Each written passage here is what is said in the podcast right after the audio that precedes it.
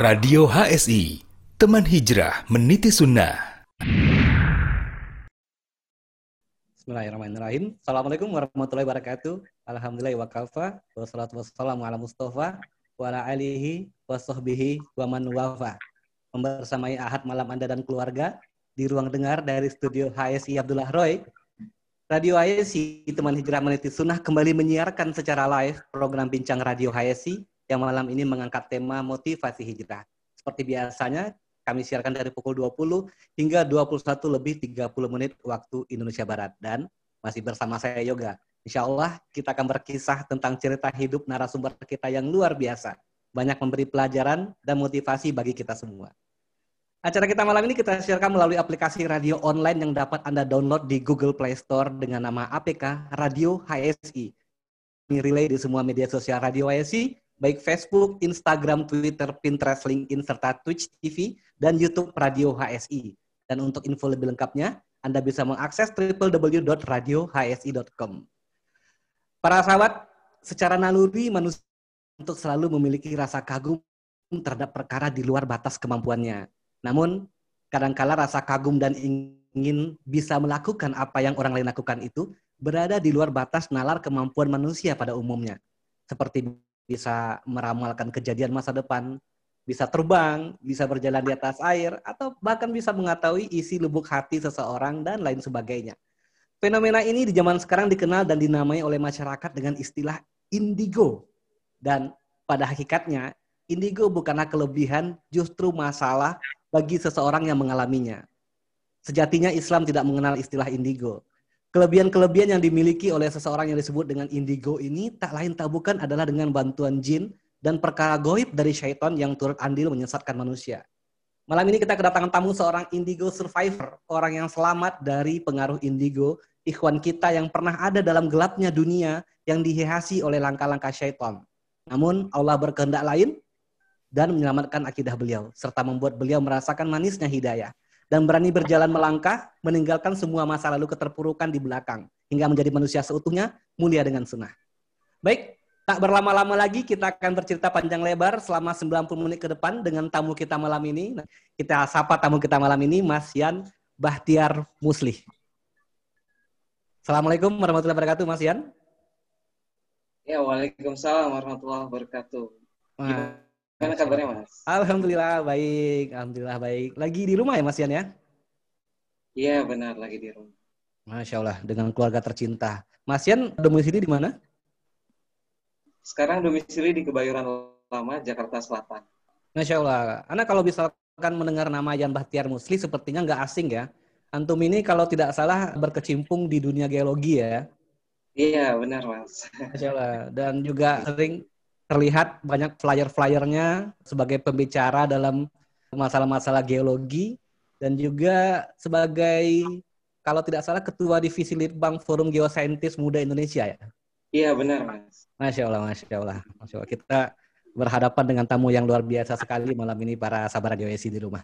Baik, Mas Yan, kita langsung saja bincang-bincang tentang masa lalu antum.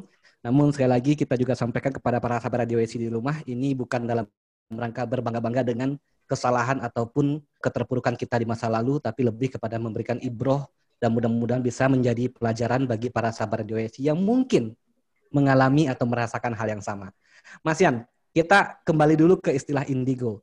Kalau rata-rata kan orang bilangnya bukan indigo, tapi anak indigo. Nah, konotasi anak indigo ini lebih kepada usia anak-anak yang sudah mengalami hal-hal yang dipandang orang luar biasa. Mungkin dipandang orang itu sudah di luar batas kewajaran seorang manusia. Nah, terjadinya di sama apakah pada usia anak-anak atau sudah lewat dari usia anak-anak, Tafadol? Oke. Okay.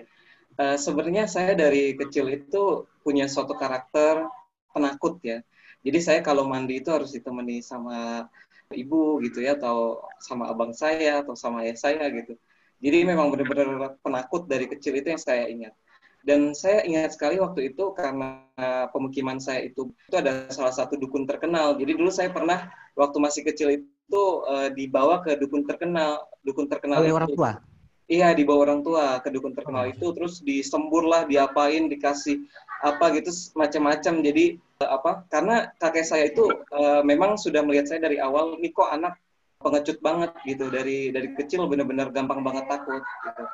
Dan memang uh, waktu saya masih bayi, ibu saya sering mengalami kejadian-kejadian yang janggal gitu ketika uh, sedang menyusui saya. Kalau zaman dulu kan pakai kelambu gitu ya, itu apa ibu saya seperti melihat seorang nenek-nenek tua yang sedang membuka kelambu gitu. Padahal sebenarnya itu nggak ada. Uh, jadi memang dari kecil itu ada sifat yang sangat mengecut banget kayak keluar rumah pada saat malam hari itu takut gitu. Nah, cuma mungkin dulu karena gimana ya? karena mungkin saya juga jarang bergaul dengan orang, kemudian mungkin juga kurang pengetahuan tentang apa itu seperti itu gitu ya. Jadi ya baru kerasa pas usia saya sudah dewasa, kira-kira di tahun 2013, saya baru tahu oh kalau ternyata apa yang saya alami dari saya kecil itu bisa diindikasikan saya sebagai seorang yang seperti itu gitu. Tapi sebenarnya perasaan saya nggak terima gitu kalau saya seperti oh. itu. Masya Allah. Eh, setelah saya tahu Islam yang sebenarnya. Masya Allah. Baik. Berarti memang uh, sama ya dengan anggapan mungkin yang di, ada di kebanyakan kita di masyarakat umum bahwasannya memang yang namanya indigo itu dimulai dari usia anak-anak. Nah, dari keluarga Masian sendiri memang menganggap Masian dikawal atau diiringi, diiringi oleh makhluk halus atau gimana sampai akhirnya bisa membawa Masian ke dukun di tempat daerah Cina Benteng tersebut? Eh, ya. Saya agak kurang paham sih karena waktu itu saya masih kecil ya, uh, masih usia SD kelas 1 atau kelas 2 gitu, atau sebelumnya juga kayak pernah diapa-apain gitu.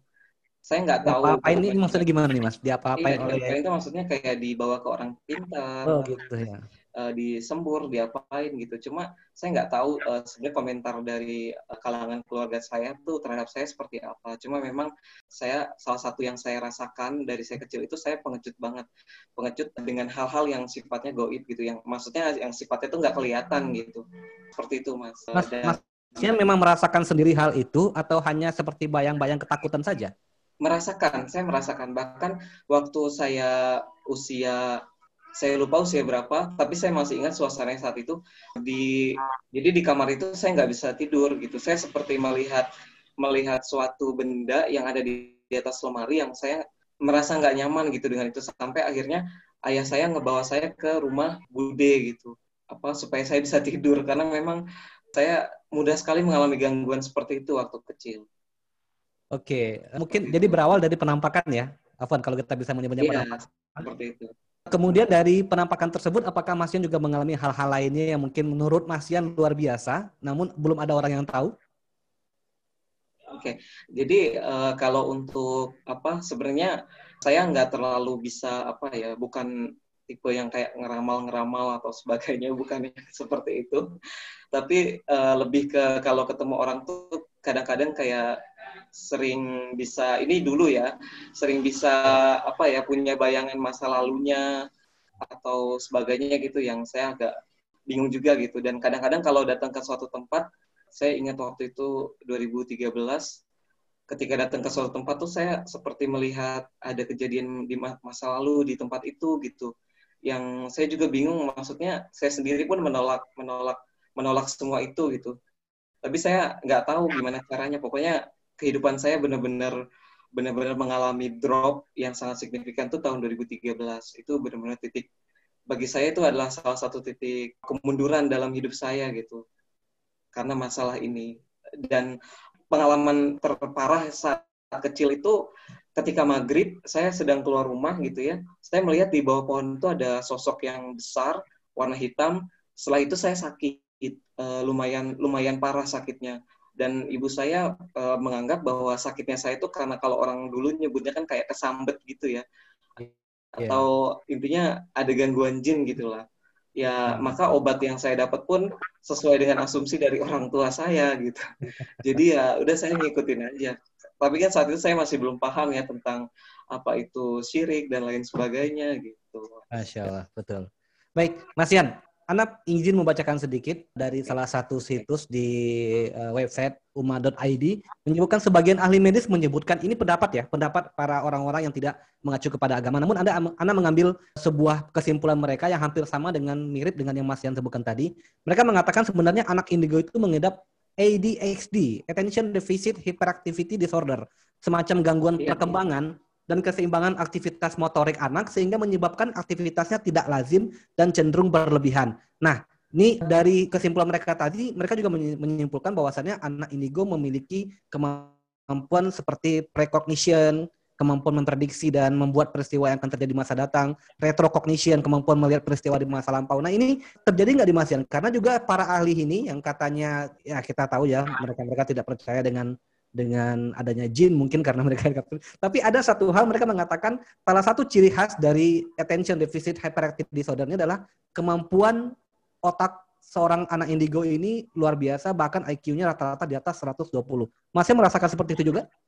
Ya, kalau untuk ADHD ini saya sendiri memang merasakan saya punya ADHD gitu karena dari beberapa gejala yang ditampilkan itu saya baca di Eden Times dari tujuh gejala saya enam gejala itu eh, cocok gitu. Dan salah satu gejala yang paling saya rasakan itu adalah sulit untuk fokus. Itu sulit adalah Iya, sulit untuk fokus. Makanya saya terkadang kalau mengerjakan sesuatu yang butuh pay attention lebih seperti mengerjakan tugas akhir itu saya butuh waktu lama sampai satu tahun saya mengerjakan tugas akhir seperti itu mas.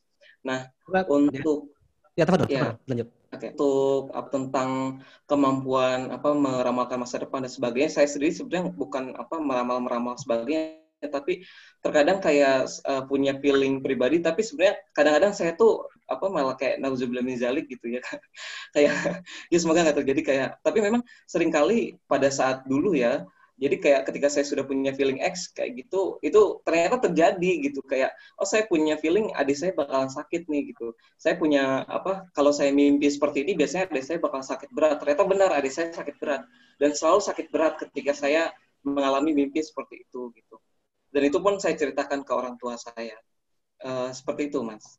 Baik, Mas Yan tidak merasa terganggu itu merasakan itu sebuah kelebihan atau kekurangan pada saat itu? Pada saat Mas Yan masih beranjak antara usia anak-anak menuju remaja tersebut? Iya, saya ingat waktu itu usia saya 11 ke 12 ya Mas, yang saya ceritakan tadi. Itu saya merasa memiliki suatu kelebihan pada saat itu. Karena kan saya nggak nggak mengerti ya, nggak mengerti uh, tentang artinya pendidikan Islam yang saya dapatkan itu pendidikan yang uh, istilahnya mungkin bisa dikatakan standar gitu ya, nggak sampai detail ke perkara seperti ini. Jadi saat itu ya saya merasakan itu suatu kelebihan gitu. Oh ternyata bisa mimpi dan ada realitanya seperti itu. Mas Kemudian dengan pergaulan sendiri, dengan pergaulan dengan teman-teman sebaya Masian pada saat umur itu, gimana? Iya, saya sebenarnya termasuk orang yang introvert ya, yang gimana ya, bisa dikatakan saya tuh mungkin apa ya susah untuk berteman, susah punya teman gitu. Karena banyak juga yang apa ya mengatakan kalau saya tuh aneh gitu. Atau mungkin kalau misalkan ngobrol yang dibicarakan tuh malah sesuatu yang mungkin dianggap berat banget atau sebagainya.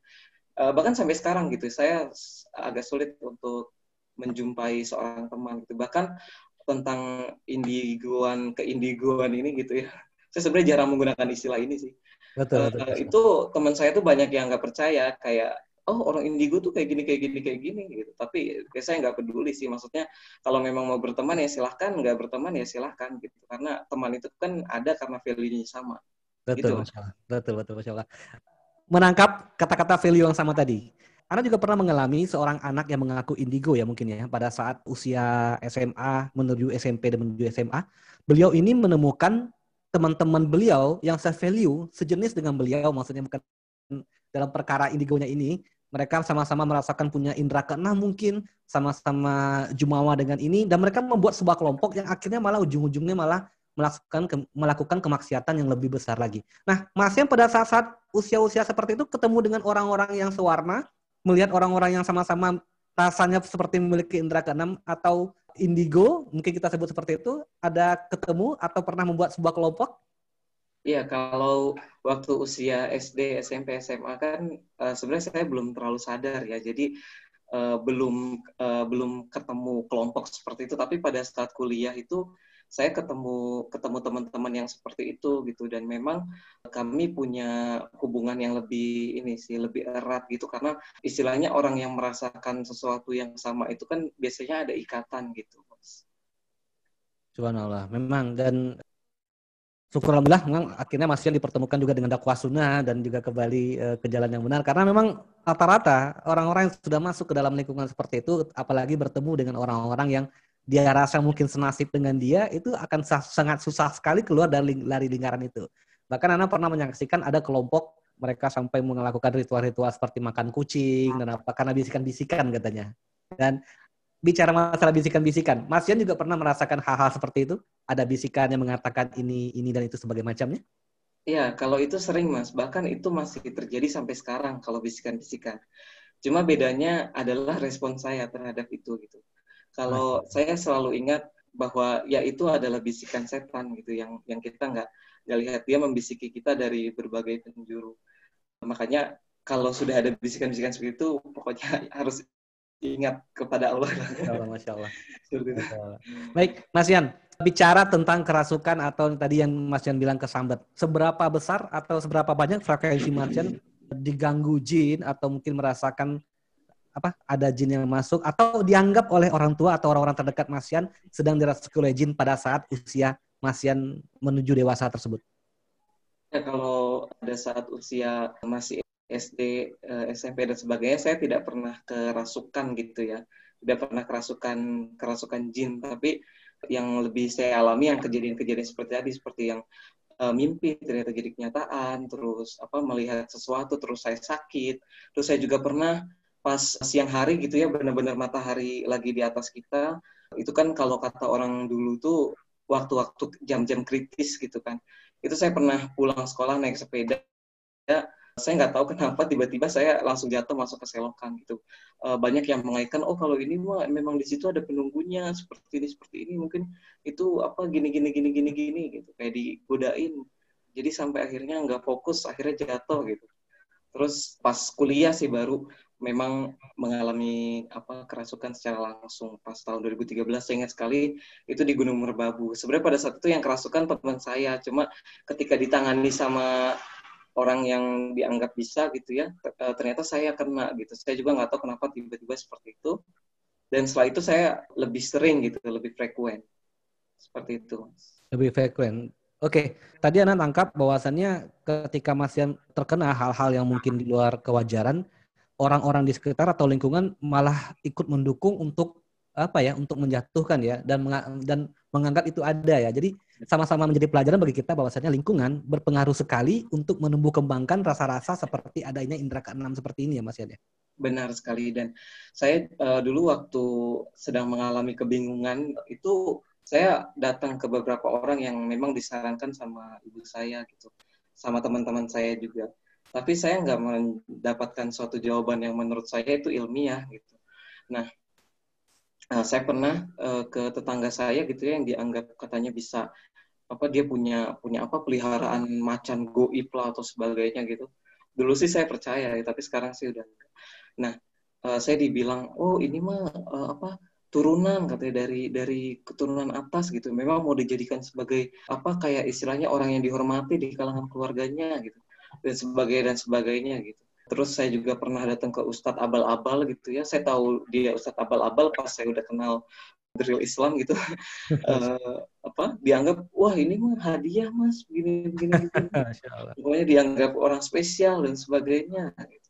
tapi nah. ya alhamdulillah udah nggak tersesat sih mas Masya Allah dan memang sangat kita sayangkan sampai dengan saat ini kebiasaan masyarakat kita itu memang hal-hal seperti ini dianggap sebagai sebuah hal yang luar biasa. Bahkan kalau bisa rame-rame didatangi ya Mas ya. Mungkin kita pernah ingat ada kejadian seorang bocah yang punya kemampuan niup, air itu sampai antri orang ke rumahnya. Nah, dengan Mas Yan sendiri, dengan mungkin lingkungan sudah mengenal adanya ke luar biasa Mas Yan di luar kebiasaan manusia ini, apakah lingkungan sekitar Mas Yan ada yang pernah memanfaatkan kondisi indigo ini seperti minta dibacakan masa depannya mungkin atau dilihat apa hal-hal yang gaib mungkin? Ya, ada sih, tapi orang-orang kafir sih.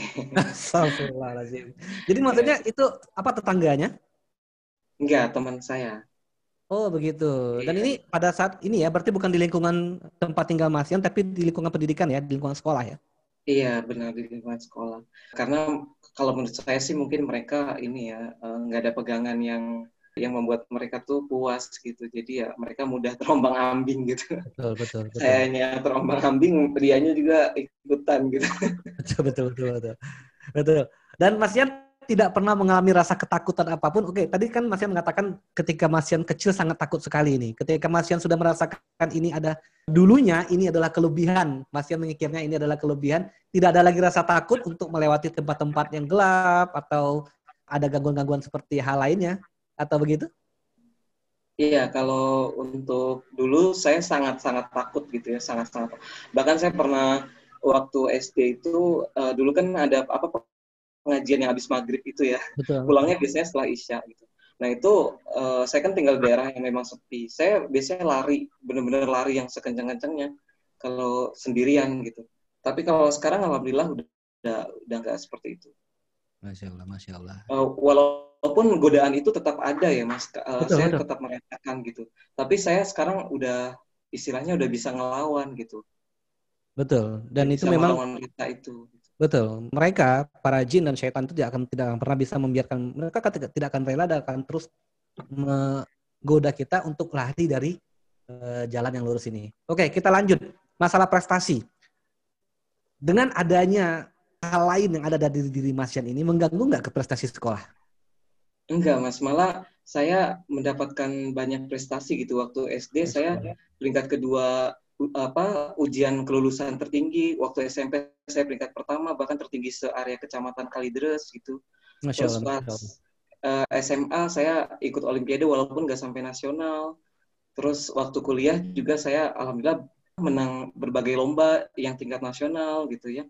Saya juga produktif sekali menghasilkan banyak uh, paper-paper ilmiah seperti itu. Ya, saya nggak tahu apakah itu ada hubungannya dengan seperti ini, tapi yang, yang jelas saya nggak bisa mengkorelasikan itu gitu.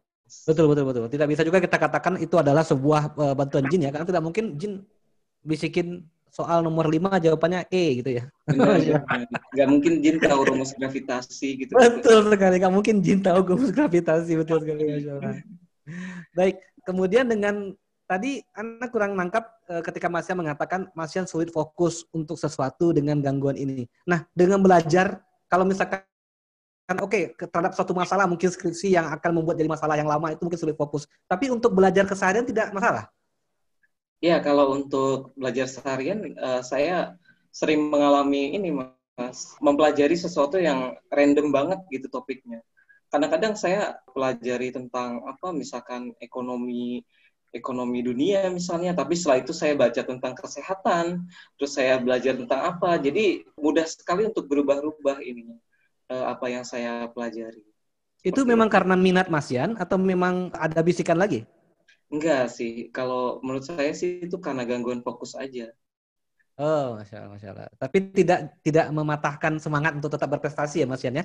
Iya, uh, malah dengan saya itu kan uh, sulit dengan saya sulit fokus itu saya mudah ke berbagai ini ya, berbagai, berbagai ilmu ya. Iya, malah itu yang membuat saya bisa mengeksplorasi sesuatu tuh lebih luas gitu, Mas. Betul, betul, betul, masya Allah.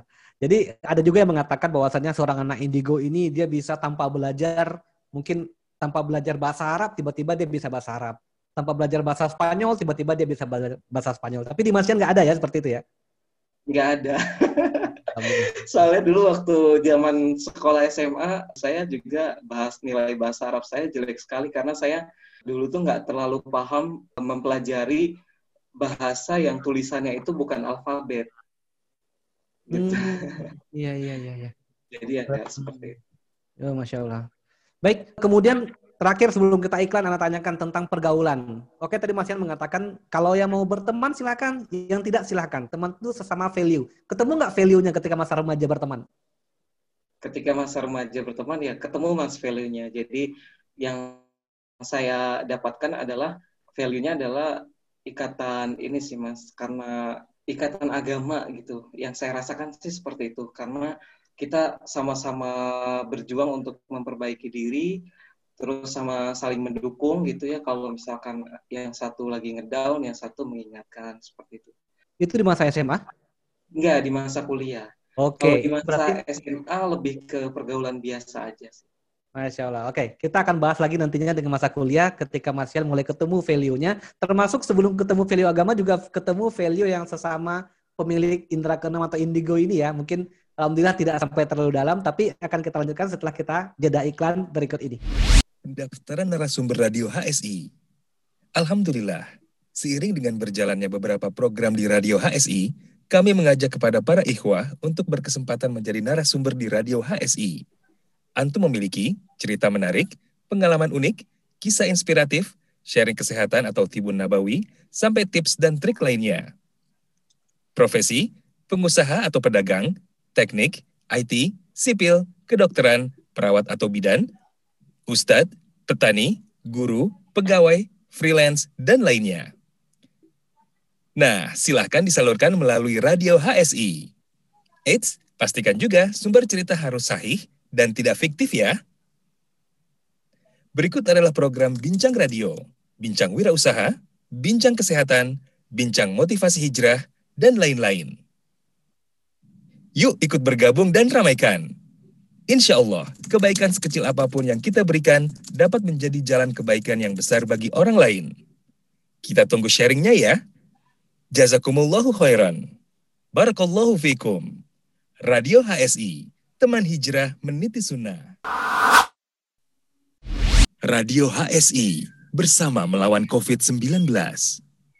Sahabat Radio HSI, musim pandemi masih berlangsung di negara kita.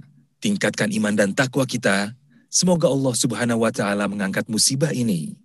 Mari bersama kita secara disiplin terapkan adaptasi kebiasaan baru sebagai wujud kontribusi kita di dalam memutus rantai penularannya. Berikut kebiasaan baru yang harus kita terapkan. Satu, pakai masker. Dua, sering cuci tangan dengan sabun dan air mengalir. Tiga, jaga jarak 1-2 meter. Empat, perbanyak asupan gizi dan vitamin untuk tubuh kita. Lima, hindari bepergian tanpa keperluan yang penting atau mendesak. Sahabat Radio HSI, mari bersama-sama kita hentikan penularan COVID-19. Radio HSI, teman hijrah meniti sunnah.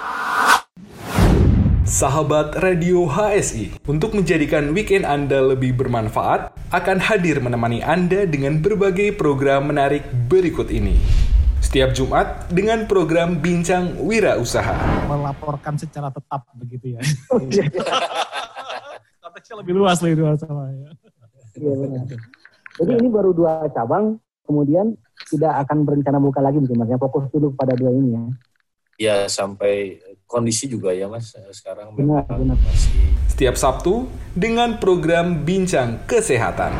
kita nggak mau belajar gitu kita kalau nggak mau belajar jadi terus saja kita akan takut terus itu Eh, apa namanya ya lebih baik kita mempelajari sehingga kita tahu langkah-langkah apa yang harus kita lakukan untuk mengatasi kolesterol ini gitu mas. Nah, Dan setiap Ahad dengan program Bincang Motivasi Hijrah.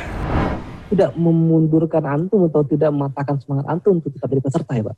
Alhamdulillah enggak ya karena ini se- sebenarnya mimpi anak dari dulu gitu.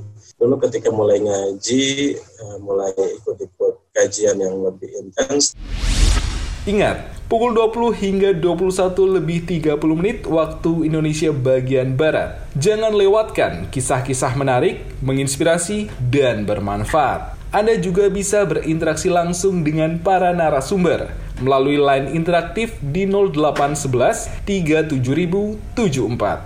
Barakallahu fikum. Radio HSI, teman hijrah meniti sunnah. Radio HSI, teman hijrah meniti sunnah masih bersama saya Yoga. Kita masih punya 60 menit ke depan dalam acara kita live bincang motivasi hijrah. Masih bersama tamu kita Mas Ian Bahtiar Musli, seorang indigo survivor. Mantan indigo yang sekarang sudah menjadi Alhamdulillah ikhwan kita alus sunnah bermahat salaf dan juga bersama memperbaiki diri bersama kita semua. Baik, kita sambung kembali kepada Mas Ian. Iya. Mas Ian, Masya Allah, makin segar. Udah minum, Mas? Sudah. Alhamdulillah, Masya Allah. Baik Mas Yan, kita sekarang segmen kedua ngebahas masalah teman. SMA dulu nih, SMA ini katanya masa-masa paling indah. Nah, katanya kalau misalkan di SMA ini kita nggak dapet teman yang pas, ya selama-lamanya masa masa remaja kita atau masa-masa pencarian jati diri ini akan selalu suram. Ketemu nggak teman-teman yang seirama di SMA ini dan mereka tidak mempedulikan dengan kekurangan atau yang mungkin masih masih anggap kelebihan itu? Ada nggak? Iya, kalau untuk teman sih saya nggak nggak menemukan ya, karena sebenarnya bisa dikatakan pada saat SMA itu saya masih istilahnya masih menolak akan akan hal itu gitu. Saya sendiri kayak uh, aduh nggak mau seperti itu gitu. Jadi saya pun belum belum ketemu uh, teman yang senasib dengan saya gitu. Tapi saya ketemu seorang seorang guru, seorang guru waktu SMA itu uh, yang senasib dengan saya gitu. Tapi beliau malah mendukung saya gitu. Malah senasib maksudnya masih sama-sama memiliki kemampuan indigo seperti itu? Iya benar. Seperti itu. Sampai beliau cerita tentang apa tentang beliau punya keris dan sebagainya gitu. Sebenarnya pada saat itu pun saya merasa kayak ini kok kayak ada yang nggak beres gitu. Benar-benar ya tapi karena beliau orang yang lebih tua kultur kita kan menghormati ya jadi ya udah saya iya iya aja gitu yeah, iya, tapi yeah. di dalam apa hati terdalam saya sebenarnya merasa ya ini ada yang nggak beres gitu saya butuh suatu penjelasan yang ilmiah itu dan Mas Yan tidak diajak untuk melakukan ritual-ritual yang aneh-aneh? Kalau ritual sih nggak pernah diajak yang aneh-aneh. Ya alhamdulillahnya sih itu Mas. Baik teman-teman selama SMA ini ada nggak yang mengetahui tentang apa yang ada di Masian ini namun tidak menjauhi, tetap berteman sampai dengan tamat begitu? Ya, eh, nggak ada, Mas. Eh, nggak ada yang tahu. Nggak ada yang tahu tentang ada yang ya, tahu ya tentang ini. Jadi ya istilahnya sekalipun misalkan ada teman saya yang jadi waktu itu pernah ada uh, latihan dasar kepemimpinan untuk pengurus OSIS di sekolah gitu ya ada teman saya yang uh, dia apa katanya melihat ini melihat itu gitu. Itu saya nggak ikut campur saya diem aja gitu. Walaupun saya merasakan hal yang sama seperti itu tapi saya diem aja. Jadi pada saat SMA itu memang saya nggak nggak mengekspos diri saya gitu. Dan Mas Yan benar-benar menyembunyikan semua yang ada pada Mas Yan ini ya? Iya. Paling cerita ya, ini lebih karena orang tua aja sih Nah, ini lebih uh, kepada karena takut dianggap aneh atau gimana? Iya, lebih ke seperti itu sih mas. Takut dianggap aneh, takut malah uh, orang anggapnya saya uh, punya kelebihan yang pas ketemu dia dia apa saya langsung tahu isi pikiran dia atau hatinya itu kan jadi berlebihan gitu. Padahal sebenarnya saya nggak nggak seperti itu. Betul, masya Allah. Baik, kembali setelah SMA, Masnya melanjutkan kuliah ke jurusan geologi ya, ya? Geologi. Teknik geologi di sebuah universitas di Semarang kalau saya tidak salah ya. Kalau saya lihat profilnya di website banyak sekali ini. Dan juga Mas Yan juga penerima beasiswa dari salah satu BUMN ya. Iya. Nah ini kan prestasinya luar biasa sekali ini. Dari tadi tidak bisa fokus belajar, tapi luar biasa sekali prestasinya bisa menerima beasiswa dari salah satu BUMN dan bisa kuliah di sebuah universitas terkenal di Semarang dalam jurusan yang memang sangat luar biasa sekali susahnya ini. Ini resepnya kenapa nih Mas Yan? Alhamdulillah itu atas izin Allah yang pertama. yang kedua memang kalau dari saya sendiri dari zaman kuliah itu sudah menetapkan bahwa saya pengen belajar geologi gitu, pengen menekuni dunia ini. Karena saya memiliki keingintahuan yang yang luas tentang tentang bumi lebih spesifiknya Eh, tentang apa litosfer ya, maksudnya bagian bagian bagian-bagian bumi. Saya sangat tertarik dengan itu gitu. Jadi punya passion yang yang sangat kuat yang uh, masih saya pupuk sampai sekarang. Dan karena saya mempelajari objek uh, ciptaan Allah yang besar ini, saya pun sebenarnya mendapatkan banyak insight-insight yang luar biasa yang mengantarkan saya terhadap suatu apa ya, oh saya siap menerima menerima yang saya anggap sebagai the true Islam ini. Masya Allah, Masya Allah. Kembali ke pertemanan tadi. Ya. Ketika ya. di kuliahan biasanya orang lebih open minded dan membuka diri. Nah, Mas Yan kapan menerima dan merasa ini kelebihan saya nih indigo ini dan tidak menyembunyikan lagi itu kapan? Itu pas sebenarnya mulai tahun 2012 itu udah mulai kerasa ya. Jadi saya kan kuliah teknik geologi itu sering banget ke hutan, masuk ke area pedalaman, ke area-area yang jarang dijamah oleh manusia gitu. sebenarnya yang saya apa mulai merasakan uh, itu terlalu strong gitu, terlalu kuat itu tahun 2012 akhir ketika saya ke hutan Darupono di daerah Kabupaten Kendal gitu. Pada saat itu, itu saya merasakan kenapa? Seperti apa itu yang dimaksud dengan strong itu apa? Iya, begitu strong. Jadi saya ketika datang ke situ seperti merasakan cium aroma-aroma tentara Belanda pernah datang ke sana, kemudian apa di sana pernah terjadi ini, terjadi itu dan sebagainya. Jadi itu kuat banget gitu Mas. Itu sampai membekas sampai sekarang tuh saya ingat banget karena memang tempatnya benar-benar itu hutan-hutan yang bisa dikatakan terlarang untuk masuk kecuali pakai izin dari BKSDA Balai Konservasi Sumber Daya Alam. Tapi saat itu kami masuk uh, tanpa izin uh, karena sudah urgent kami untuk dapat data daerah sana. Tapi itu terlalu strong gitu yang saya rasakan di situ tuh. Terlalu strong bahwa saya seperti punya sesuatu yang bisa merasakan pernah terjadi suatu kejadian di masa lampau di daerah ini. Itu, Mas. Bentuk visual atau hanya dalam berkembang dalam pikiran dalam, saja? Lebih ke dalam pikiran dan visual membayangkan ada seperti melihat gitu ya di sana ada ini, di sana ada ini dan sebagainya. Jadi kadang-kadang saya juga memberikan suatu warning ke teman saya, eh jangan jangan ke situ gitu. Teman saya kan jadi takut ya. ya, ya. Dan karena ya teman-teman saya juga belum kenal tauhid gitu kan, belum kenal ilmu tauhid, jadi yang ngikut-ngikut aja kadang-kadang. Seperti itu Mas dan itu semakin strong di tahun 2013. 2013 itu udah puncak-puncaknya. Dan puncak-puncaknya semakin banyak bisikan seperti benar, semakin banyak bisikan, semakin banyak kejadian dan luar biasa lah cobaan di tahun 2013 itu. Mas Yan berusaha melawannya terus atau mulai menerimanya atau bagaimana? Sebenarnya perasaan saya yang paling kuat itu adalah bingung, Mas. Bingung, betul. Bingung, iya, bingung apa yang terjadi dengan diri saya, gimana caranya memperbaiki gitu supaya saya merasa tidak karena uh, saya merasakan apa uh, tekanan batin. Artinya apa ya? Desakan-desakan apa? Jadi kayak hati saya tuh nggak lapang gitu mas rasanya.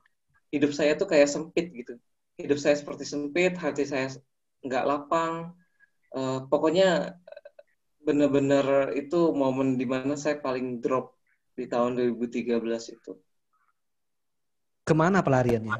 Iya, pelarian saya pada saat itu saya cerita ke teman saya yang saya anggap bisa bisa memberikan saran gitu ya saya cerita ke apa teman saya yang seperti ini terus dibilang apa itu suatu kelebihan gitu. Dan istilahnya ya udah lu terima aja gitu. Terus saya juga uh, cerita ke orang yang lebih tua dari saya yang uh, saya anggap itu bisa memberikan saran. Terus beliau malah cerita punya apa guru agama yang sekarang tinggal di Malaysia dan itu punya kelebihan luar biasa yang katanya dia bisa apa nggak perlu sholat yang katanya sudah ke Mekah dan sebagainya. Jadi kayak udah tinggi banget lah istilahnya. Orangnya tuh kayak udah ini. Tapi saya sekarang baru tahu oh kalau ternyata itu aliran sufi gitu. Hmm. pas saya mengenal the true Islam ini uh, baru saya uh, lihat oh ya ternyata apa yang saya datangi pada dulu itu orang-orang yang mereka pemikirannya sesat gitu mas.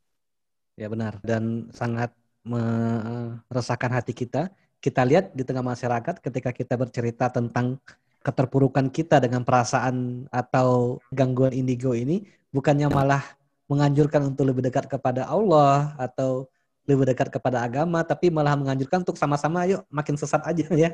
Karena memang benar-benar sebuah hal ini memang bahkan sekelas profesor pun mungkin jika dihadapkan dengan hal-hal yang tidak logis begini malah bisa menjadi tidak logis juga bisa mempercayai hal-hal yang seperti ini. Padahal sebenarnya logikanya nggak masuk sama sekali ya Mas Yan. Ya? Nggak masuk akal. Betul, Masya Allah. Oke, Mas Yan sudah bercerita dengan orang-orang tadi, tidak mendapatkan kepuasan jawaban? Iya, tidak tidak mendapatkan kepuasan sama sekali bahkan. Bahkan yang saya rasakan adalah saya semakin bingung gitu. Ini uh, gimana kok ke sini katanya begini, ke sini katanya begini. Cuma sebenarnya saya selalu ini ya, selalu berdoa gitu semoga mendapatkan petunjuk gimana cara saya untuk menyelesaikan masalah yang sedang saya hadapi dalam hidup ini gitu. Bahkan dulu saya pernah di, ditawarkan ke teman saya itu untuk berobat ke salah satu yang dianggap syekh gitu ya di Jakarta gitu. Cuma katanya syekhnya itu sibuk banget jadi saat itu saya nggak nggak jadi untuk datang dan saya, saya malah bersyukur karena saya curiga nih jangan-jangan nggak beres juga gitu. ada rasa ini ya Mas Yan ya, ada rasa enggan dan ketidakpercayaan karena siapa pun yang ditemui ujung-ujungnya malah mendukung bukannya malah menunjukkan ke mana yang harusnya jalan. Benar. Bahkan saya diceritakan pas setelah saya uh, kenal the true Islam ini ya uh, bahwa rukiah-rukiah gitu tuh ada yang gak syar'i, yang dia menukar, dia malah bersekongkol dengan jin gitu supaya uh, iya saya baru tahu seperti itu dan menurut saya kalau saya pikir-pikir ulang flashback ke belakang tahun 2013 saya pernah mengalami hal itu ketika Betul. saya mengalami kesurupan luar biasa di kota Samarinda saat itu sedang ada kegiatan lapangan di sana uh, malamnya saya mengalami kesurupan itu yang entah apa kayak apa mungkin apa sepupu sepupunya Dayak lah dan sebagainya gitu ya kemudian saya di kayak di Rukiah gitu cuma aneh ritualnya pakai korek lah, pakai ini dan sebagainya. Iya, saya agak kurang paham. Ya Betul. intinya uh, ketika saya tahu mana yang benar, saya tahu bahwa apa yang saya alami di masa lalu itu adalah sebuah kesalahan. Betul. Bahkan tipu daya syaitan itu terlalu terlalu mungkin apa namanya kuat untuk kita.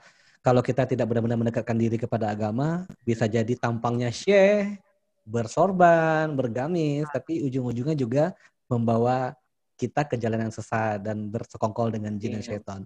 Saya juga yeah. pernah Mas Ian, pernah lihat ini rukyah syariah ketika seorang di rukyah malah yang di rukyah malah ngebetulin bacaan yang rukyah gitu. Itu salah tajwidnya gitu. Luar biasa sekali itu kalau sudah tipu daya syaitan itu untuk menyesatkan kita. Oke, sekarang kita uh, mengarah ketika Mas Ian mulai mengenal dakwah sunnah. Mulai mengenal manhaj salaf. Ini awalnya gimana?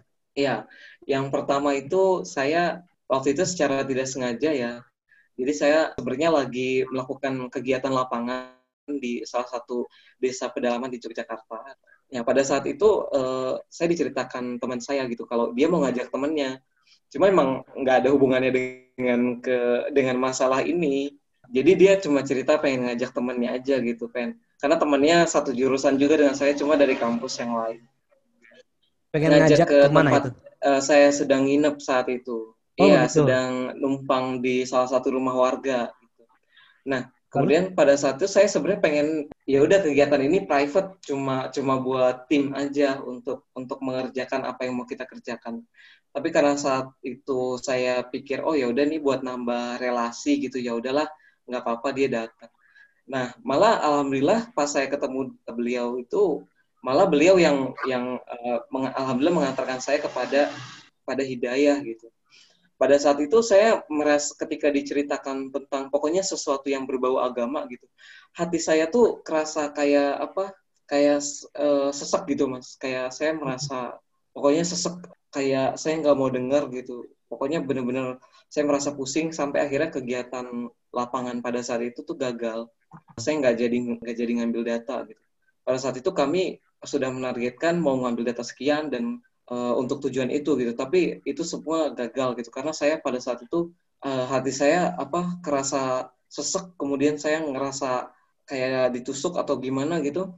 Terus saya akhirnya cerita tentang masalah gangguan jin gitu. Uh, terus diceritakan oh mungkin itu gangguan jinnya itu me mengantarkan saya untuk tidak mendengarkan hal-hal yang berbau agama gitu mas. Uh, jinnya tahu yang datang Ikhwan Salaf ya? Iya. Dan setelah sehari sorry bukan sehari ya beberapa hari setelah setelah saya ketemu dengan beliau itu saya uh, sakit. Saya sakit sampai orang tua saya dari Jakarta itu uh, dari Tangerang itu datang ke sana buat ngejenguk gitu. karena saya memang sering kali ketika mengalami suatu kejadian penting di dalam hidup itu saya sakit biasanya. Dan itu saya sakit alhamdulillah sembuh juga dengan segera.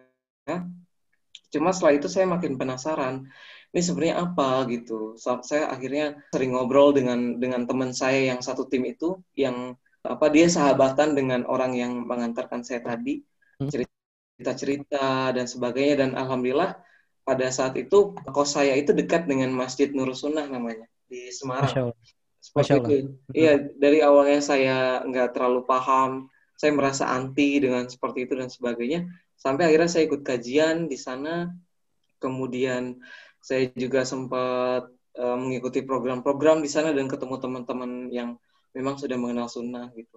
Dan di situ saya merasa oke, okay, uh, saya akhirnya menemukan jawaban dengan sendirinya dan tidak hanya jawaban tentang permasalahan yang saya rasa uh, ini adalah masalah besar dalam hidup saya. Jadi saya nggak hanya nemu itu, tapi juga saya menemukan solusi hidup yang menurut Wah, saya ya. oke okay, ini yang saya cari selama ini gitu. Masya Allah betul sekali, betul sekali. Afwan kalau anak boleh tahu sebelum uh, Masian mengenal hidayah ini ibadah wajibnya tetap jalan? tidak ada gangguan untuk tidak mengerjakannya? Iya, ibadah wajibnya tetap jalan untuk sholat, puasa, zakat gitu ya. Tetap jalan, Mas. Cuma memang masalah yang seperti ini, yang sifatnya goib, goib ini yang saya nggak bisa menemukan solusi gitu, Mas. Tapi saya tetap tetap melaksanakan kewajiban gitu. Dan saya ingat sekali ya, kalau tadi ada yang belum saya ceritakan, saya dulu waktu kecil itu pernah bikin patung, Mas. Pernah bikin patung yang apa saya ingat sekali ada sayapnya terus ada tanduknya dan sebagainya gitu ya. Itu kalau saya ingat ya itu salah satu bisik bisikan jin gitu ya. Untuk wow. saya membuat patung dengan tanah liat yang ada di belakang rumah saya. Jadi setelah saya mengenal manhaj ini saya tahu bagaimana saya bisa bisa mengetahui pola-pola bisikan jin gitu mas. Betul betul ya betul. ketika saya flashback saya jadi tahu oh ternyata polanya seperti ini gitu awalnya betul, dia nganggap oh uh, lu kan hobi tuh sama seni bikin-bikin ini gitu kan. Terus akhirnya dia ngarahin saya buat bikin patung. Terus nanti lama kelamaan pasti disuruh disuruh menganggap patung itu uh, punya kekhususan dan sebagainya. Tapi alhamdulillah sam, uh, pada saat itu saya hancurin si patung gitu. alhamdulillah alhamdulillah. Dan ketika Masian sudah mulai bergaul dengan para ikhwan-ikhwan kita yang mengenal sunnah dan manhaj yang benar ini, Masian mulai terbuka tentang apa yang ada pada diri Masian kepada mereka? Saya beberapa orang saya ke beberapa orang saya terbuka. Tapi alhamdulillah dengan saya mempelajari apa tauhid gitu ya Mas, itu dengan sendirinya saya merasakan merasakan perubahan dalam hidup saya. Uh, merasa saya uh, solusinya saya nemu gitu. Walaupun ya ketika saya sudah merasa sudah sembuh gitu ya, saya masih mengalami kejadian yang dihipnotis yang mungkin kalau menurut saya sih itu masih ada gang, apa hubungannya dengan orang yang menghipnotis itu dengan apa dia menggunakan bantuan jin gitu. Saya masih merasakan itu, tapi saya merasakan diri saya itu lebih lebih tenang gitu loh, mas. Betul, Jadi kayak betul. iya saya udah bisa mengignore bisikan-bisikan, mengignore hal-hal yang sifatnya futuristik, tapi tiba-tiba saya saya sudah mendengar itu gitu dan sebagainya. Jadi kayak apaan sih gitu kayak ya udah gitu ketika saya udah tahu ilmunya saya malah bisa memfilter itu dengan sendirinya gitu mas. Alhamdulillah. Masya allah masya allah.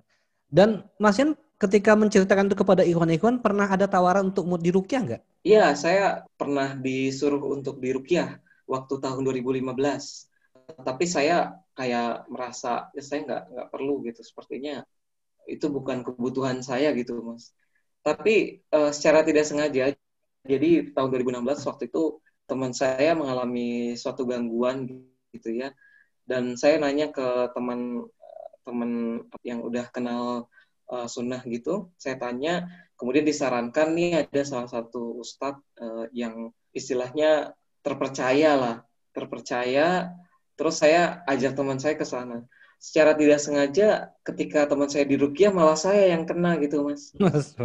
Iya malah teman saya nggak nggak mengalami apa-apa malah saya yang kena akhirnya uh, ustadznya itu nanganin saya gitu. Tapi uh, apa yang mas rasakan ketika itu? Itu rasanya berat sekali mas. Saya merasa apa ya ada kayak suatu apa ya mas kayak kesetrum atau apa gitu pokoknya dalam tubuh saya tuh kayak kayak ngerasa suatu keanehan gitu terus setelah itu saya muntah-muntah terus kepala pusing banget benar-benar lemas dan apa setelah itu yang saya rasakan sih lebih tenang sih mas lebih enteng gitu Masya Allah. Dan luar biasa memang ketika kita tidak minta untuk dirukiah Mas ya. Benar. Uh, dan saat itu kan sebenarnya saya nggak minta dirukiah ya, cuma sedang nemenin teman. Iya, sedang nemenin teman. Karena memang uh, diminta sama ustadznya itu kalau nggak salah untuk ngejagain gitu di sebelahnya. Betul, masya Allah. Dan apa namanya? Ketika kita memang selalu konsisten untuk ikut kajian dan memang niat kita untuk berubah itu ada, maka gangguan jin dan setan itu kan kalah dengan sendirinya, Mas ya. Itu iya, terasa nggak? Benar, Mas. Yang saya rasakan seperti itu. Masya Allah, Masya Allah. Baik, Mas Yan, kita masih punya 30 menit lebih lagi ke depan dalam program bincang kita ini. Dan kita sampai tadi pada segmen ketika Mas Yan sudah mulai mengenal sunnah. Dan Masya Allah, Mas Yan adalah mudah-mudahan kita juga semua termasuk kepada uh, yang dijanjikan oleh Rasul untuk orang-orang yang tidak minta dirukyah dan uh, masuk surga tanpa hizab dan azab. Mudah-mudahan, insya Allah. Nah, uh, setelah ini kita akan membahas sedikit di ruang redaksi kita ada beberapa testimoni yang masuk tentang Masian, namun kita akan bacakan setelah jeda iklan berikut ini. Pendaftaran narasumber radio HSI. Alhamdulillah, seiring dengan berjalannya beberapa program di radio HSI, kami mengajak kepada para ikhwah untuk berkesempatan menjadi narasumber di Radio HSI. Antum memiliki cerita menarik, pengalaman unik, kisah inspiratif, sharing kesehatan atau tibun nabawi, sampai tips dan trik lainnya. Profesi, pengusaha atau pedagang, teknik, IT, sipil, kedokteran, perawat atau bidan, ustadz, petani, guru, pegawai, freelance, dan lainnya. Nah, silahkan disalurkan melalui radio HSI. Eits, pastikan juga sumber cerita harus sahih dan tidak fiktif ya. Berikut adalah program Bincang Radio, Bincang Wirausaha, Bincang Kesehatan, Bincang Motivasi Hijrah, dan lain-lain. Yuk ikut bergabung dan ramaikan. Insya Allah, kebaikan sekecil apa pun yang kita berikan dapat menjadi jalan kebaikan yang besar bagi orang lain. Kita tunggu sharingnya ya. Jazakumullahu khairan. Barakallahu fikum. Radio HSI, teman hijrah meniti sunnah. Radio HSI, bersama melawan COVID-19. Sahabat Radio HSI, musim pandemi masih berlangsung di negara kita. Tingkatkan iman dan takwa kita.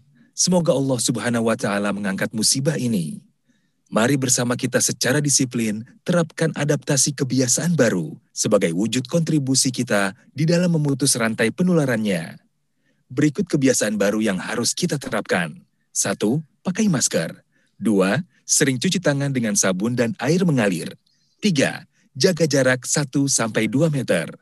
Empat, perbanyak asupan gizi dan vitamin untuk tubuh kita. Lima, hindari bepergian tanpa keperluan yang penting atau mendesak. Sahabat Radio HSI, mari bersama-sama kita hentikan penularan COVID-19. Radio HSI, teman hijrah meniti sunnah. Sahabat Radio HSI, untuk menjadikan weekend Anda lebih bermanfaat, akan hadir menemani Anda dengan berbagai program menarik berikut ini. Setiap Jumat dengan program Bincang Wira Usaha. Melaporkan secara tetap begitu ya. konteksnya lebih luas lagi dua sama ya. Iya benar. Jadi ini baru dua cabang, kemudian tidak akan berencana buka lagi mungkin mas. Ya fokus dulu pada dua ini ya.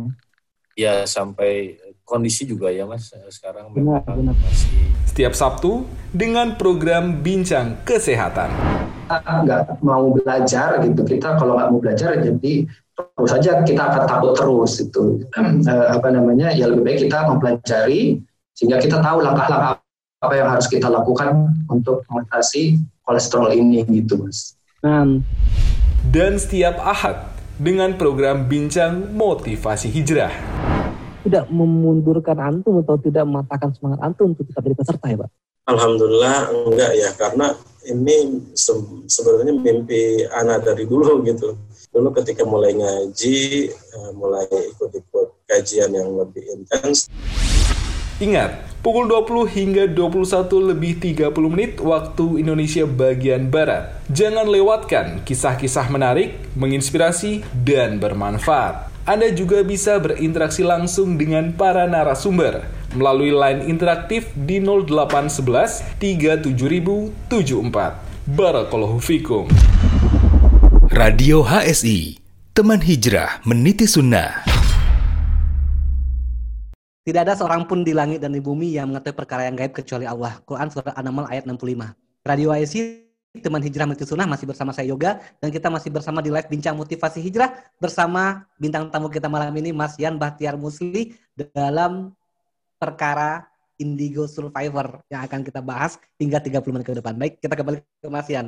Mas Yan, Iya, setelah mengenal dakwah sunnah, hidup antum lebih tenang, pekerjaan dapat.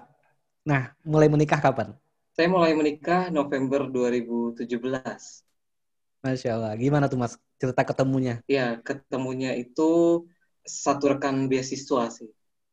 Satu rekan Masya beasiswa, Dan- tapi dari beda kampus. Dan calon istri antum pada waktu itu mengetahui tentang apa yang ada pada diri antum sebelumnya, sebelum antum mengenal sunnah ini? Enggak.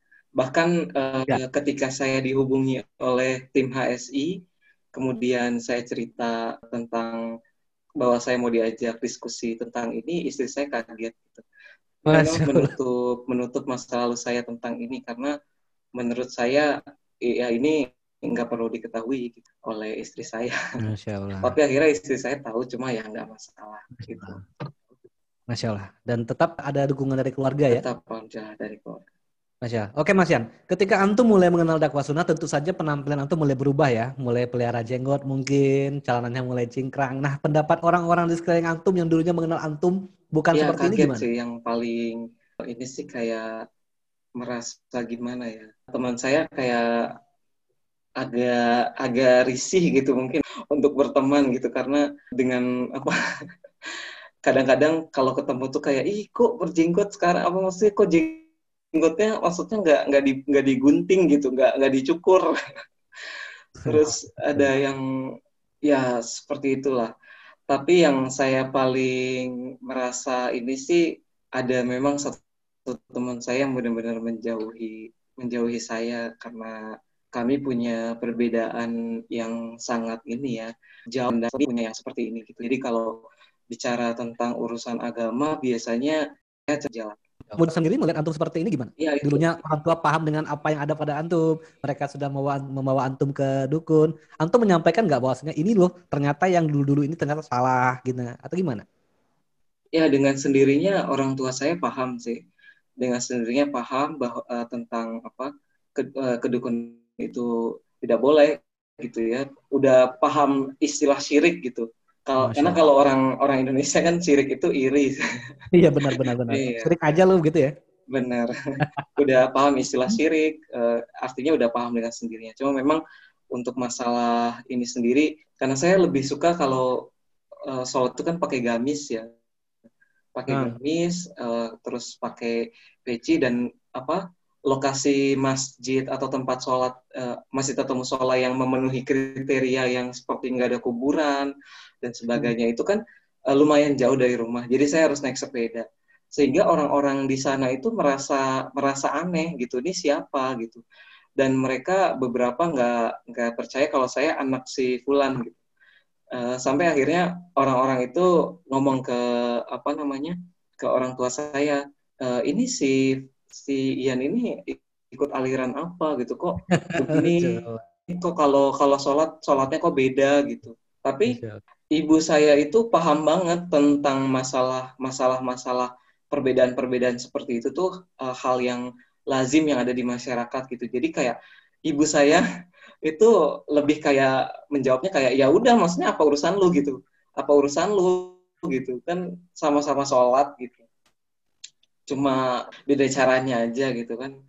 Saya kan kayak misalkan setelah sholat mereka kan pada salaman saya diem gitu Oh, ya, iya benar. saya diam uh, menunduk gitu dan mereka pun paham dengan sendirinya gitu bahwa ya udah eh, paham dengan Tapi sendiri tetap memberikan ini ya, tetap memberikan perlakuan yang positif kepada lingkungannya ya, tidak tidak balik tidak hujat saya atau gimana? tetap apa kalau ketemu ya nyapa gitu ya kalau ketemu nyapa Eh, Masya Allah, jadi Masya Allah.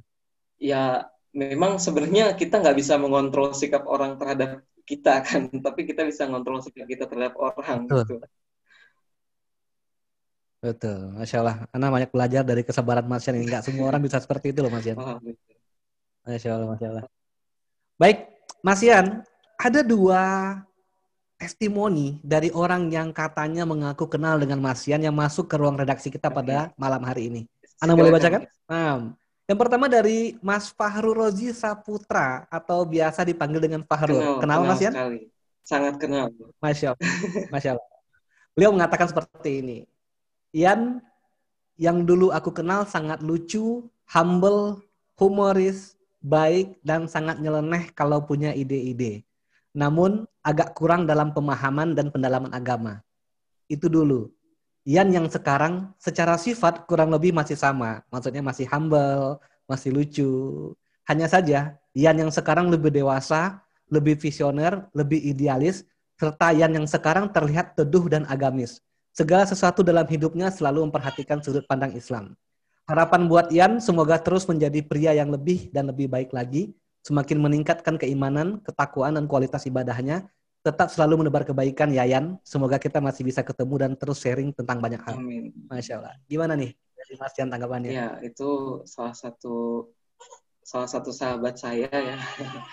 Jadi saya banyak berterima kasih dengan dan saya juga pernah ditanya oleh Fahroji tentang uh, cara cara yang saya tempuh untuk bisa keluar dari permasalahan permasalahan in, indi indi indi ini. uh, jadi ya saya cerita ke Fahrul gitu bahwa kunci untuk bisa sembuh itu adalah belajar tauhid. Belajar tauhid nanti dengan sendirinya dengan sendirinya kita akan akan lebih baik. Masya Allah. Seperti itu. Dan Mas Yan tetap mendakwakan ini kepada teman-teman dekat Mas Yan? kepada teman-teman dekat ya saya tetap waktu zaman kuliah juga tetap banyak saya ceritakan tentang tentang apa manhaj ini uh, ada beberapa yang menerima ada beberapa yang tidak. Uh, ya itu kembali ke diri masing-masing. Cuma yang paling penting adalah yang sampai kita mengalami konflik hanya karena perbedaan pendapat gitu Betul. Dan mudah-mudahan siapa pun dari kita yang pada malam hari ini menonton dan masih menganggap indigo itu sebuah hal yang luar biasa, maka bisa mendengarkan kisah Masian yang begitu tersiksanya dengan indigonya dan alhamdulillah menemukan jalan keluarnya dengan manhat salaf ini. Masya Allah.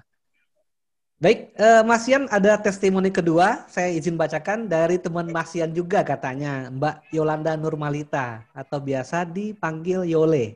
Kenal ya Masian? Kenal sekali. Masya Allah. Baik, uh, beliau bilang seperti ini. Ian yang dulu adalah pria-pria yang lucu, pintar, murah senyum, dan terkenal.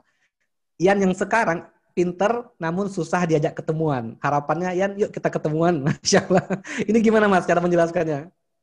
Ya, sebenarnya ketika saya sudah mengenal ini manhaj Sunda ini saya lebih paham koridor-koridor sih. Koridor-koridor uh, mana teman yang maksudnya kalau sama wanita ya kita harus membat yang bukan ini ya bukan mahram ya kita harus membatasi ketemuan secara langsung seperti itu dan memang saya uh, di usia saya sejak 2016 itu lebih lebih pragmatis sih untuk untuk bisa ketemuan bareng gitu saya agak membatasi diri untuk ketemu hanya untuk hahaha gitu lebih suka yang membahas sesuatu yang memang ada manfaatnya buat saya dan juga buat teman-teman gitu. Masya Allah, Masya Allah. Dan mudah-mudahan Mbak Yole juga dengar pada malam hari ini bukannya Mas Yan nggak mau ketemuan, tetapi memang kita uh, Mas Yan lebih membatasi pada hal-hal yang tidak terjadinya ikhtilat atau berkalwat antara yang bukan mahramnya. Begitu ya Mas Yan ya, kira-kira ya? Baik, Mas Yan, sebelum kita lanjut, ada beberapa pertanyaan yang masuk ke ruang redaksi kita. Mungkin kita bacakan dulu dari layar interaktif di 0895 3775 sekian-sekian. Pertanyaannya yang pertama, Masya Allah tadi Mas Yan ketika sekolah bilang sulit fokus dalam belajar tetapi bisa berprestasi. Itu bagaimana cara belajarnya? Nah, dong Mas Yan. Ya, uh, saya juga nggak tahu sih. uh, Sebenarnya sulit fokus itu bukan berarti kita bukan berarti kita nggak nggak mudah untuk memahami apa yang kita pelajari sebenarnya. Tapi lebih ke sulit fokus itu maksudnya adalah kita mudah sekali untuk merubah topik dari apa yang yang sedang kita pelajari gitu. Baik, Mas Yan, mungkin kita jeda dulu iklan berikut ini karena ada beberapa kendala di studio kita. Kita akan jeda dengan iklan berikut ini. Padahal. Pendaftaran narasumber radio HSI. Alhamdulillah, seiring dengan berjalannya beberapa program di radio HSI, kami mengajak kepada para ikhwah untuk berkesempatan menjadi narasumber di Radio HSI. Antum memiliki cerita menarik, pengalaman unik, kisah inspiratif, sharing kesehatan atau tibun nabawi, sampai tips dan trik lainnya. Profesi, pengusaha atau pedagang, teknik, IT, sipil, kedokteran, perawat atau bidan, ustadz, petani, guru, pegawai, freelance, dan lainnya. Nah, silahkan disalurkan melalui radio HSI. Eits, pastikan juga sumber cerita harus sahih dan tidak fiktif ya. Berikut adalah program Bincang Radio, Bincang Wirausaha, Bincang Kesehatan, Bincang Motivasi Hijrah, dan lain-lain. Yuk ikut bergabung dan ramaikan. Insya Allah, kebaikan sekecil apa pun yang kita berikan dapat menjadi jalan kebaikan yang besar bagi orang lain. Kita tunggu sharingnya ya. Jazakumullahu khairan. Barakallahu fikum. Radio HSI, teman hijrah meniti sunnah. Radio HSI, bersama melawan COVID-19. Sahabat Radio HSI, musim pandemi masih berlangsung di negara kita. Tingkatkan iman dan takwa kita. Semoga Allah Subhanahu wa taala mengangkat musibah ini. Mari bersama kita secara disiplin terapkan adaptasi kebiasaan baru sebagai wujud kontribusi kita di dalam memutus rantai penularannya. Berikut kebiasaan baru yang harus kita terapkan. Satu, pakai masker. Dua, sering cuci tangan dengan sabun dan air mengalir. Tiga, jaga jarak 1-2 meter. Empat, perbanyak asupan gizi dan vitamin untuk tubuh kita. Lima, hindari bepergian tanpa keperluan yang penting atau mendesak. Sahabat Radio HSI, mari bersama-sama kita hentikan penularan COVID-19. Radio HSI, teman hijrah meniti sunnah. Sahabat Radio HSI, untuk menjadikan weekend Anda lebih bermanfaat, akan hadir menemani Anda dengan berbagai program menarik berikut ini. Setiap Jumat dengan program Bincang Wira Usaha. Melaporkan secara tetap begitu ya. Konteksnya lebih luas lebih luas sama ya. Iya benar. Jadi ini baru dua cabang, kemudian tidak akan berencana buka lagi mungkin mas. Ya, fokus dulu pada dua ini ya. Ya sampai kondisi juga ya mas sekarang Benar, benar. masih Setiap Sabtu dengan program Bincang Kesehatan.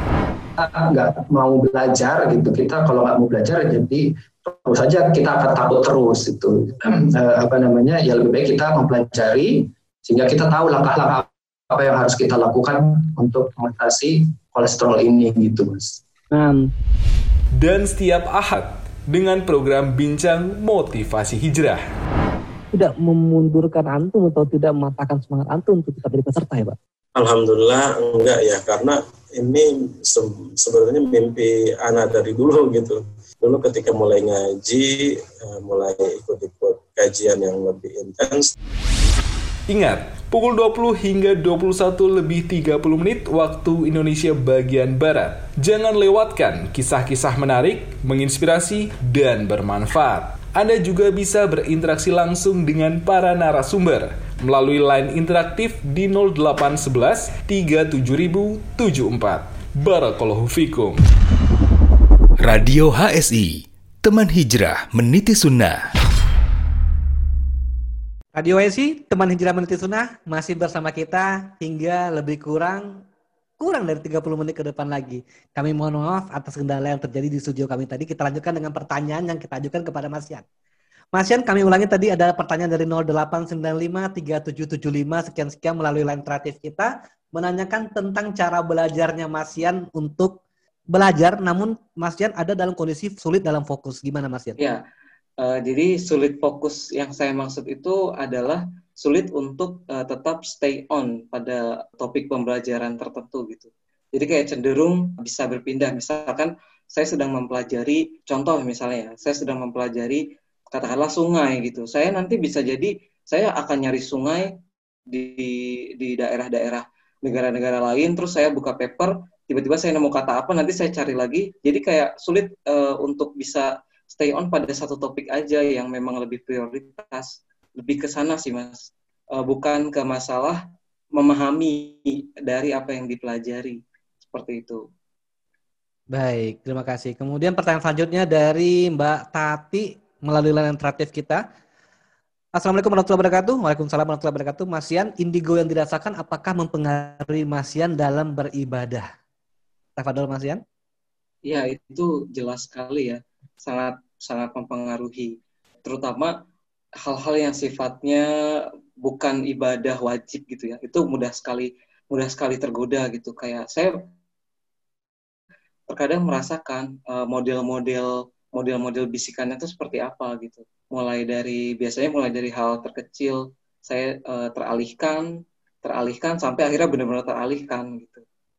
Jadi pelan-pelan gitu sih mas. Jadi sampai akhirnya saya nggak melaksanakan itu. Nah, tepat ya, kalau untuk ibadah wajib itu kan karena memang harus dilaksanakan gitu ya. Jadi udah termindset di dalam alam bawah sadar ya kita harus melaksanakan. Gitu. Masya Allah. Dan itu hilang dengan sendiri ketika Mas sudah mulai mengenal sunnah? Benar, uh, tapi memang yang namanya manusia ya terkadang juga hal-hal seperti itu Betul. tuh masih iya.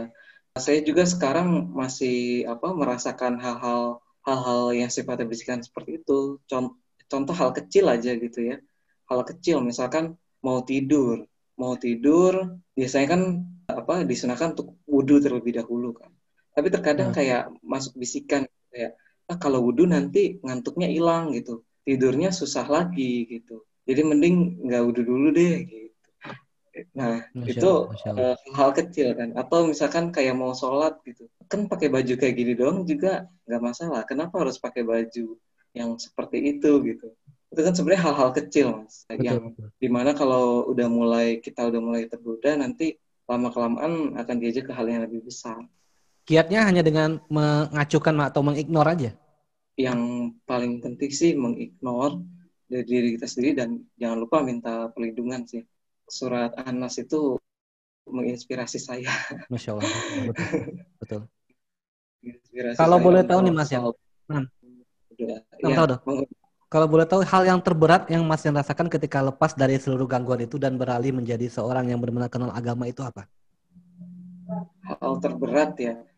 Bagi saya sih uh, sebenarnya social judgment ya. Saya saya nggak mau dijudge sebagai orang yang yang punya ilmu agama, yang yang memiliki pemahaman agama yang lebih daripada teman-teman saya, menurut saya itu adalah hal yang sangat berat gitu mas. Karena ketika ketika saya apa melakukan suatu suatu kesalahan itu akan menjadi kesalahan dan dilihat manusia itu akan menjadi beban uh, bagi saya dan malah itu akan mencoreng mencoreng agama itu sendiri gitu mas. Nah, seperti itu. Tapi uh, bisa jadi itu juga merupakan bisikan dari uh, syaitan kah untuk merasakan ada rasa was-was untuk tidak apa tidak terlalu dalam terhadap agama? Ya itu pasti ada sih bisikan-bisikan syaitan karena kita kan manusia ya. Tapi bisikan yang saya rasakan itu beda dengan bisikan yang dulu, Mas. Seperti oh, itu. Masya Allah. Ya, Masya Allah. Jadi mungkin lebih berkurang dengan sendirinya ya, Mas ya, seiring dengan rajinnya antum untuk lebih menuntut ilmu agama. Benar, Mas. Jadi semakin saya paham tentang tauhid, saya akan semakin mudah untuk uh, mengignore gitu hal-hal kecil yang sifatnya bisikan. Masya Allah. Baik, kemudian yang Mas Yan rasakan ketika perbedaan kehidupan Mas Yan sebelum dan setelah hijrah itu apa? Yang saya rasakan paling ini sih merasa tenang sih, Mas merasa tenang dan saya paling uh, istilahnya apa ya terharu gitu ketika mengetahui bahwa uh, doa kita itu bernilai pahala gitu. Itu kayak suatu apa ya karena saya pernah merasakan eh, masa-masa uh, drop dalam hidup itu di tahun 2013 uh, 2014 awal juga saya masih merasakan. Jadi ya memang pada saat itu curhatan curhatan terbaik menurut saya itu adalah doa gitu. Dan ketika saya tahu itu, jadi benar-benar memaksimalkan doa. Pokoknya apa-apa doa gitu. Tapi saya sekarang sebenarnya sedang mengalami futur sih mas semenjak semenjak pandemi ini mungkin karena salah satunya karena sudah tidak ke masjid lagi kali ya jadi hmm. tidak merasakan suasana yang istilahnya kalau sholat itu kan kita melihat orang lain gitu. Jadi kayak ada sesuatu yang mengingatkan kita gitu. Seperti itu mas. Hmm. nah kalau boleh tahu nih ketika masian futur seperti ini mungkin saja bisikan-bisikan mungkin lebih intens datangnya ya. Nah, Benar. nah yang yang mas masian lakukan untuk untuk mengatasi itu apa? Untuk mengatasi itu yang paling penting sih tetap ingat bahwa itu adalah bisikan gitu mas. Tetap sadar gitu bahwa itu adalah bisikan dan se semampu apa pun kita sekuat apa pun kita ya selemah apa pun kita itu harus dilawan gitu banyak banyak sekali bisikan-bisikan yang karena mungkin karena saya pernah merasakan bisikan-bisikan yang sifatnya itu jin yang memang memang mengganggu saya gitu ya mengganggu saya secara personal gitu. Jadi saya sekarang tuh sebenarnya relatif mudah untuk paham gitu uh, di mana kelemahan saya dan biasanya tuh mudah sekali saya untuk mendapatkan bisikan seperti itu. Jadi kayak sebenarnya setan itu kan tahu kelemahan kita. Nah di situlah dia mulai masuk kan. Di situ saya mudah untuk mengidentifikasi lah istilahnya. Betul, betul, Masya Allah. Dan memang Antum juga berusaha untuk menutupi kelemahan Antum itu dengan agama. Benar. Dan sekali lagi kalau urusan masalah masalah bisikan-bisikan itu surat Anas itu udah menginspirasi saya membawa ketenangan gitu. Masya Allah. Baik, bicara tentang bisikan, ada lagi pertanyaan yang masuk di ruang redaksi kita dari Mbak Sulistiawati. E, pertanyaannya apa saja yang dirasa oleh seorang indigo kalau sehabis mendapat bisikan atau mimpi aneh yang menjadi tanda? Dan apa yang Mas lakukan untuk mengatasi hal tersebut? Kalau untuk mengatasinya mungkin sudah jawab oleh Mas Yan tadi ya. Ya. Mungkin ini tentang perasaan Mas Yan kalau mendapat bisikan itu tepat Mas Yan? Iya, tahun 2004 ketika saya sering mengalami mimpi-mimpi tertentu yang saya rasa itu sebagai suatu tanda akan datangnya penyakit ke adik saya, uh, itu ketika saya dapat mimpi itu saya langsung cerita ke ke orang tua saya, ke ibu lebih tepatnya. Cerita ke ibu, terus saya juga biasanya antisipasi dan ternyata itu beneran terjadi. Jadi biasanya saya antisipasi sih, lebih ke arah sana gitu, lebih ke menyiapkan diri, uh, bukan berarti panik gitu. Cuma kalau untuk hal-hal yang sifatnya biasa aja, seperti saya pernah juga mimpi suatu kejadian gitu waktu apa bulan Maret 2015 itu ketika hal itu benar-benar terjadi, saya malah merasa oh ternyata apa yang akan terjadi sesuatu spesial yang akan terjadi dalam hidup saya tuh diawali dengan mimpi gitu. Di situ saya percaya bahwa mimpi itu bisa menjadi petunjuk. Tapi di bulan April dan seterusnya itu saya mulai paham bahwa oh itu bisikan setan gitu. Betul, masya Allah.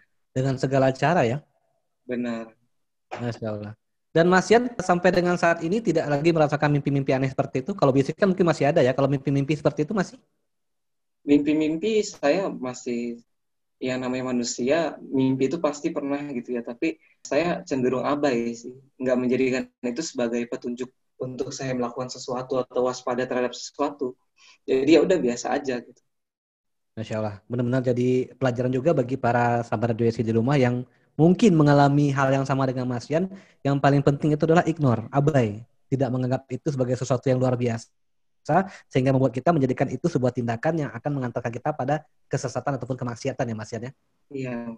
Baik, Masya Allah. Mas Yan, ini terakhir, kalau bisa agak panjang sedikit Mas Yan, karena kita tahu masyarakat kita perlu diedukasi dengan hal-hal indigo seperti ini, atau mungkin juga perlu ada sebuah e, motivasi dari Mas Yan, tipsnya juga, rahasianya juga, untuk pendengar yang belum hijrah, atau yang sudah berhijrah, atau ingin keluar dari indigo ini, atau yang masih mempercayai indigo ini, apa yang Mas Yan nasihatkan untuk para sahabat Radio di rumah? Apa Mas Yan?